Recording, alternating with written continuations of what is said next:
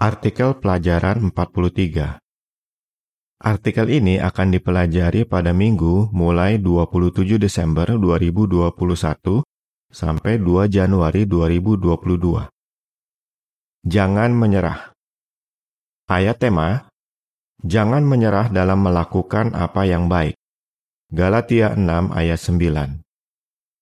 Nyanyian nomor 68. Menabur benih kerajaan. Yang dibahas.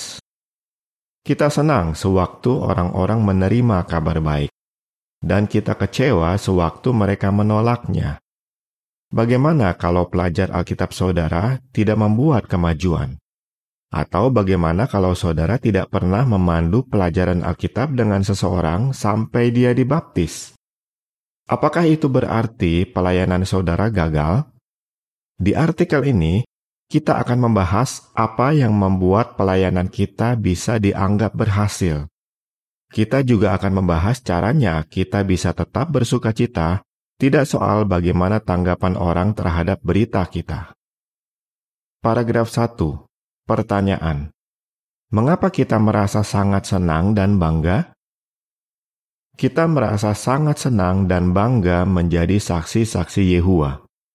Kita menyandang nama Allah dan membuktikan bahwa kita adalah saksi-saksinya dengan mengabar dan membuat murid. Kita sangat senang sewaktu kita bisa bertemu seseorang yang memiliki sikap yang benar untuk mendapat kehidupan abadi dan membantu dia sampai dibaptis. Kisah 13 ayat 48 Kita merasa seperti Yesus yang merasakan sukacita yang besar sewaktu murid-muridnya menceritakan pengalaman bagus mereka dalam pengabaran. Lukas 10 ayat 21 Paragraf 2 Pertanyaan Bagaimana kita bisa menunjukkan bahwa kita menganggap pelayanan kita sangat penting? kita menganggap pelayanan kita sangat penting. Rasul Paulus menasihati Timotius, "Teruslah perhatikan dirimu dan pengajaranmu." Paulus menambahkan, "Dengan begitu, kamu akan menyelamatkan dirimu dan orang-orang yang mendengarkan kamu." 1 Timotius 4 ayat 16. Ya, pelayanan kita bisa menyelamatkan kehidupan. Kita terus memperhatikan diri kita dengan memastikan tingkah laku kita sesuai dengan kabar baik yang kita sampaikan dan membuat Yehua dimuliakan. Kita melakukan itu karena kita adalah rakyat dari kerajaan Allah. Dan kita memperhatikan pengajaran kita dengan membuat persiapan sebelum mengabar dan meminta bantuan Yehua sebelum memberikan kesaksian kepada orang lain. Paragraf 3. Pertanyaan. Apakah setiap orang akan berminat pada kabar baik yang kita sampaikan? Berikan contoh. Meskipun kita sudah berupaya sebisa-bisanya untuk mengabar, kebanyakan orang di daerah kita mungkin tidak berminat dengan kabar baik. Perhatikan pengalaman saudara Georg Lindal. Dari tahun 1929 sampai 1947, dia mengabar sendirian di berbagai daerah di Islandia. Dia membagikan puluhan ribu publikasi, tapi tidak seorang pun mau menerima kebenaran. Dia menulis bahwa beberapa orang yang dia kabari sepertinya menentang kebenaran, dan kebanyakan orang lainnya tidak peduli dengan kabar baik. Belakangan, beberapa utusan Injil lulusan Gilead datang untuk membantu pengabaran di Islandia. Tapi, selama bertahun-tahun mereka mengabar, tidak ada orang yang berminat. Akhirnya, setelah sembilan tahun, barulah ada beberapa orang Islandia yang membaktikan diri kepada Yehua dan dibaptis. Paragraf 4. Pertanyaan. Bagaimana perasaan kita kalau seseorang tidak mau menerima kabar baik? Sewaktu orang-orang tidak mau menerima kabar baik, kita pasti merasa kecewa. Kita mungkin merasa seperti Paulus yang sangat sedih dan selalu pedih karena kebanyakan orang Yahudi tidak mengakui Yesus sebagai Mesias. Roma 9 ayat 1 sampai 3. Saudara mungkin sudah berusaha keras membantu seorang pelajar Alkitab dan mendoakan dia. tapi dia mungkin tidak membuat kemajuan, dan saudara harus menghentikan pelajaran Alkitab itu. Atau saudara mungkin tidak pernah memandu pelajaran Alkitab dengan seseorang sampai dia dibaptis. Apakah saudara perlu merasa bersalah dan merasa bahwa Yehua tidak memberkati pelayanan saudara? Di artikel ini, kita akan membahas dua pertanyaan. Satu, apa yang menunjukkan bahwa pelayanan kita berhasil? Dua, apa saja yang perlu kita ingat agar kita tidak menyerah dalam menjalankan pelayanan kita? Apa yang menunjukkan bahwa pelayanan kita berhasil? Paragraf 5. Pertanyaan. Mengapa kita mungkin tidak selalu mendapatkan hasil yang kita inginkan dalam pelayanan? Alkitab mengatakan tentang orang yang melakukan kehendak Allah semua yang dia lakukan akan berhasil. Mazmur 1 ayat 3. Tapi, itu tidak berarti kita akan selalu mendapatkan hasil yang kita inginkan.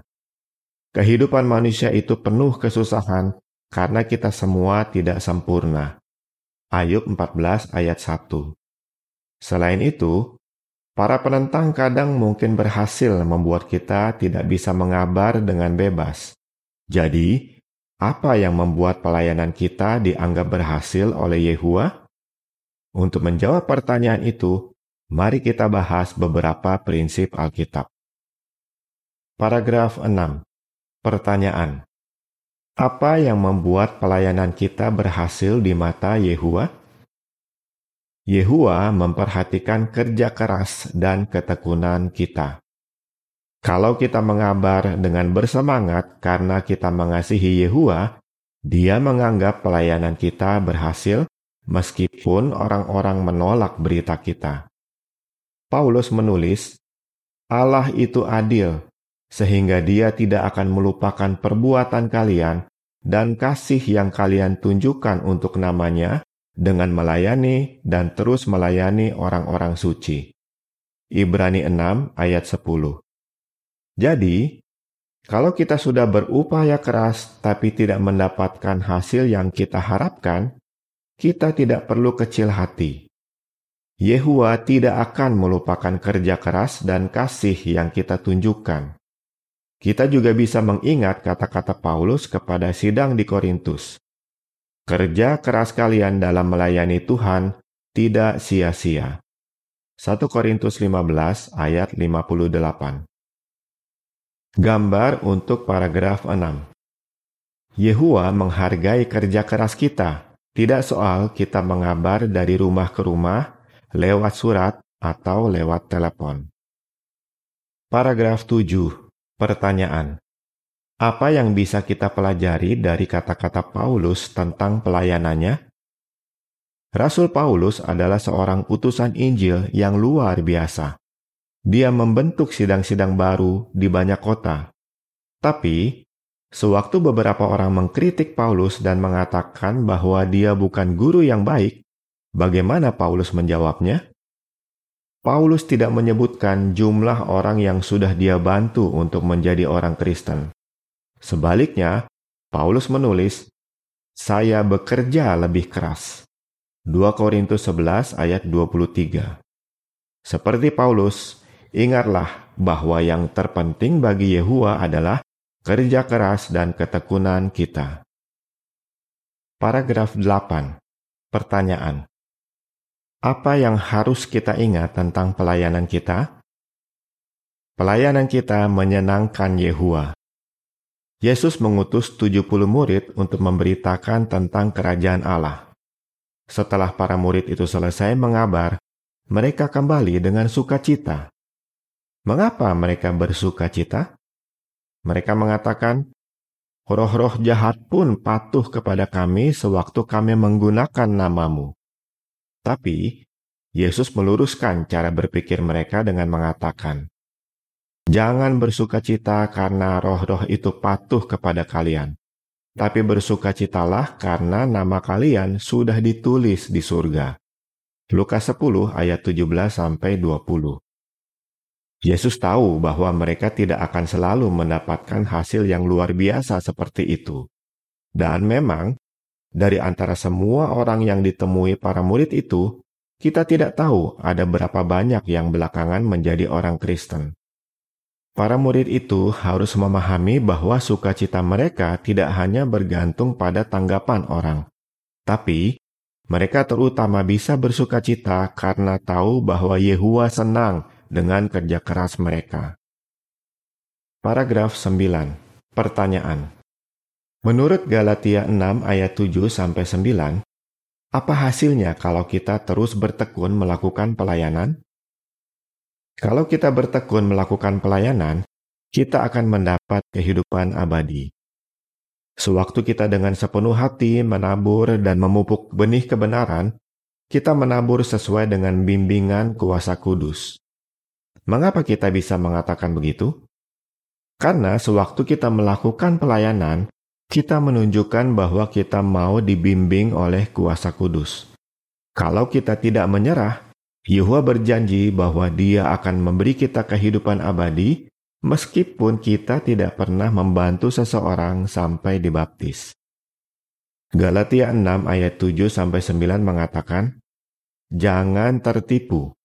Allah tidak bisa dipermainkan. Apa yang ditabur orang, itu jugalah yang dituainya. Orang yang menabur sesuai dengan keinginan tubuhnya yang berdosa akan menuai kebinasaan dari tubuhnya itu. Tapi yang menabur sesuai dengan bimbingan kuasa kudus akan menuai kehidupan abadi dari kuasa itu. Jadi, jangan menyerah dalam melakukan apa yang baik. Kalau kita tidak menyerah, kita akan menuai pada saatnya nanti. Apa saja yang perlu kita ingat agar kita tidak menyerah? Paragraf 10, pertanyaan. Mengapa tanggapan orang-orang terhadap kabar baik berbeda-beda? Tanggapan setiap orang terutama bergantung pada hati mereka sendiri. Yesus menjelaskan hal itu dalam perumpamaan tentang petani yang menabur benih di beberapa jenis tanah yang berbeda. Dari antara semua benih itu, hanya ada satu yang menghasilkan buah. Yesus mengatakan bahwa jenis-jenis tanah itu menggambarkan hati orang-orang yang menanggapi firman Allah dengan cara yang berbeda-beda. Lukas 8 ayat 11 sampai 15. Seperti petani tadi, kita tidak bisa membuat benih kebenaran bertumbuh di hati semua orang yang kita kabari. Tugas kita adalah untuk terus menabur benih kebenaran. Rasul Paulus mengatakan bahwa setiap orang akan mendapat upah sesuai dengan kerja mereka masing-masing, bukan sesuai dengan hasil yang mereka dapatkan. 1 Korintus 3 ayat 8 Paragraf 11, pertanyaan. Mengapa Yehua menganggap Nuh sebagai seorang pemberita kebenaran yang berhasil? Banyak hamba Yehua di zaman Alkitab harus menghadapi orang-orang yang tidak mau mendengarkan mereka. Misalnya, selama puluhan tahun, Nuh melayani sebagai seorang pemberita kebenaran. 2 Petrus 2 ayat 5 Nuh pasti berharap orang-orang akan mendengarkan berita yang dia sampaikan. Tapi, Yehua tidak pernah mengatakan bahwa itu akan terjadi. Malah, sewaktu Yehua memberi Nuh perintah untuk membangun bahtera, dia memerintahkan Nuh untuk masuk ke dalam bahtera itu hanya bersama anak-anaknya, istrinya, dan para menantunya. Kejadian 6 ayat 18. Dan sewaktu Yehua memberitahukan ukuran bahtera yang harus Nuh buat, Nuh mungkin menyadari bahwa banyak orang tidak akan mendengarkan dia karena bahtera itu tidak akan cukup untuk menampung mereka semua. Dan memang, pada akhirnya tidak seorang pun mau mendengarkan Nuh. Apakah Yehua menganggap Nuh gagal? Sama sekali tidak. Di mata Allah, pelayanan Nuh berhasil karena dia dengan setia menjalankan perintah Yehua. Gambar untuk paragraf 11 Meskipun Nuh sudah mengabar dengan setia selama bertahun-tahun, hanya keluarganya yang masuk ke bahtera bersama dia. Tapi itu tidak berarti dia gagal. Dia taat kepada Allah dan menyelesaikan pekerjaan yang Allah berikan kepadanya. Paragraf 12. Pertanyaan. Bagaimana Yeremia bisa terus bersuka cita meskipun orang-orang menolak dan menentang dia? Nabi Yeremia juga terus mengabar selama lebih dari 40 tahun, meskipun orang-orang tidak mendengarkan dia dan bahkan menentang dia. Yeremia pernah merasa sangat kecil hati karena dihina dan diejek oleh para penentangnya, sampai-sampai dia berpikir untuk berhenti menjalankan tugasnya. Yeremia 20 ayat 8 dan 9. Tapi Yeremia tidak menyerah. Apa yang membantu Yeremia untuk terus menjalankan tugasnya dengan bersuka cita?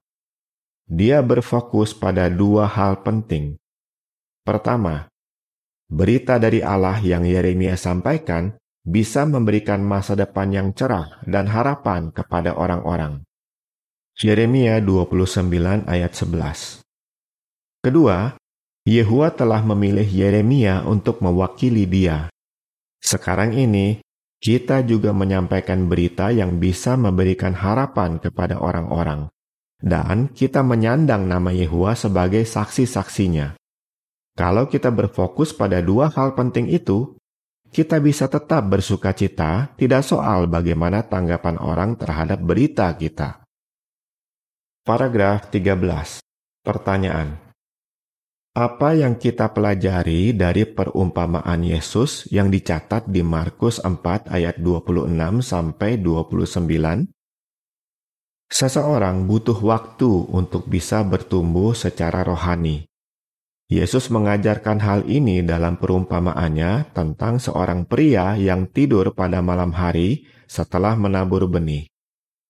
Markus 4 ayat 26 sampai 29 mengatakan, Dia melanjutkan, Kerajaan Allah itu seperti orang yang menabur benih di tanah. Setiap malam dia tidur dan paginya dia bangun, sementara benih itu bertunas dan bertumbuh tinggi dan dia tidak tahu bagaimana itu terjadi. Tanah itu sendiri yang menghasilkan buah secara bertahap. Pertama-tama tangkai, lalu bulir, dan akhirnya bulir gandum yang matang. Begitu gandumnya matang, dia mengayunkan sabit karena musim panen sudah tiba. Benih-benih yang dia tabur bertumbuh secara perlahan, dan dia tidak bisa mempercepat pertumbuhannya. Kita juga mungkin harus menunggu cukup lama sampai pelajar Alkitab kita menjalankan apa yang dia pelajari. Sama seperti seorang petani tidak bisa memaksa tanamannya tumbuh secepat yang dia inginkan, kita tidak bisa memaksa pelajar Alkitab kita untuk membuat kemajuan secepat yang kita inginkan. Jadi, kalau pelajar Alkitab saudara butuh waktu yang cukup lama untuk maju, Jangan merasa kecil hati atau menyerah. Sama seperti seorang petani, kita harus sabar sewaktu membantu seorang pelajar Alkitab. Paragraf 14. Pertanyaan. Pengalaman apa yang menunjukkan bahwa kadang dibutuhkan waktu yang lama sampai orang-orang mau mendengarkan kabar baik?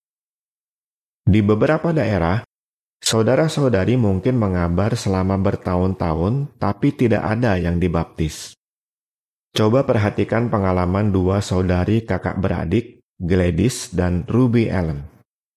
Pada tahun 1959, mereka ditugasi untuk melayani sebagai perintis biasa di sebuah kota di Provinsi Quebec, Kanada.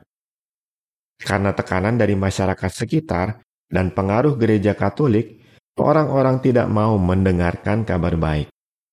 Gladys bercerita bahwa selama dua tahun mereka mengabar dari rumah ke rumah delapan jam sehari, tapi tidak ada satu orang pun yang membukakan pintu. Sewaktu orang-orang melihat kedua saudari itu di depan pintu, mereka langsung menutup tirai. Tapi Gladys dan Ruby tidak menyerah. Lama-kelamaan, orang-orang mulai bersikap lebih ramah dan beberapa orang mau mendengarkan kabar baik. Sekarang, sudah ada tiga sidang di kota itu.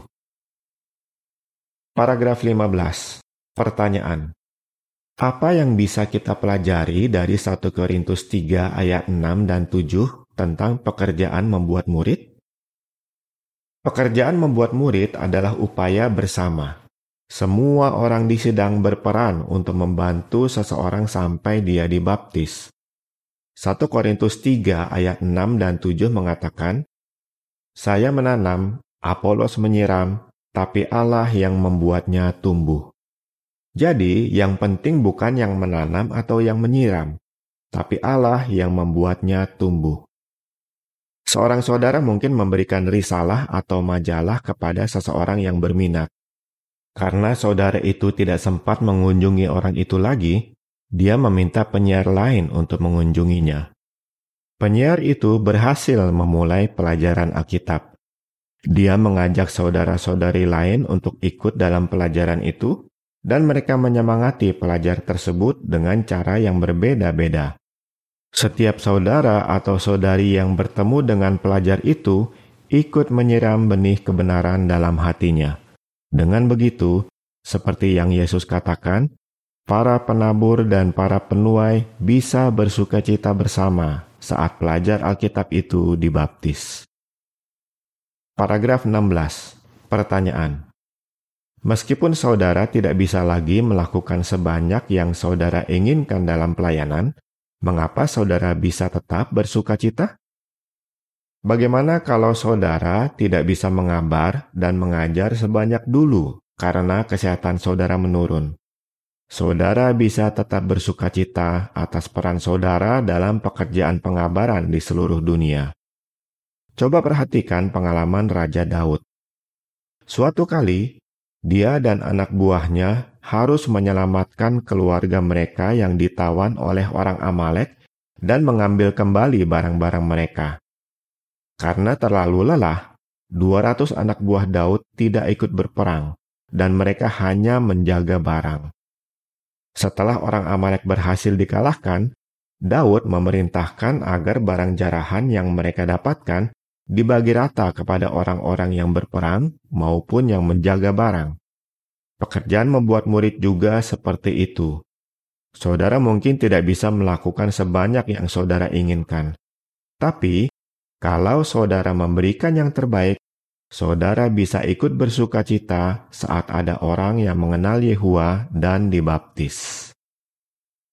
Paragraf 17. Pertanyaan. Mengapa kita bersyukur kepada Yehua? Yehua tahu bahwa kita tidak bisa memaksa orang untuk menerima kabar baik atau menjadi penyembahnya. Tapi, Yehua memperhatikan kerja keras kita dan kasih yang kita tunjukkan kepadanya dan Dia akan memberkati kita. Kita pasti bersyukur kepada Yehua karena bisa melayani Dia, Allah kita yang pengasih. Yehua juga mengajarkan caranya kita bisa tetap bersuka cita, tidak soal seberapa banyak yang bisa kita lakukan dalam pelayanan. Kita bisa yakin bahwa Yehua berkenan kepada kita, asalkan kita tidak menyerah. Apa jawaban saudara? Apa yang mungkin kita rasakan sewaktu orang tidak mau menerima kabar baik? Apa yang menunjukkan bahwa pelayanan kita berhasil? Mengapa kita sebaiknya tidak berfokus pada jumlah orang yang bisa kita bantu sampai dibaptis? Nyanyian nomor 67 Beritakan firman Akhir artikel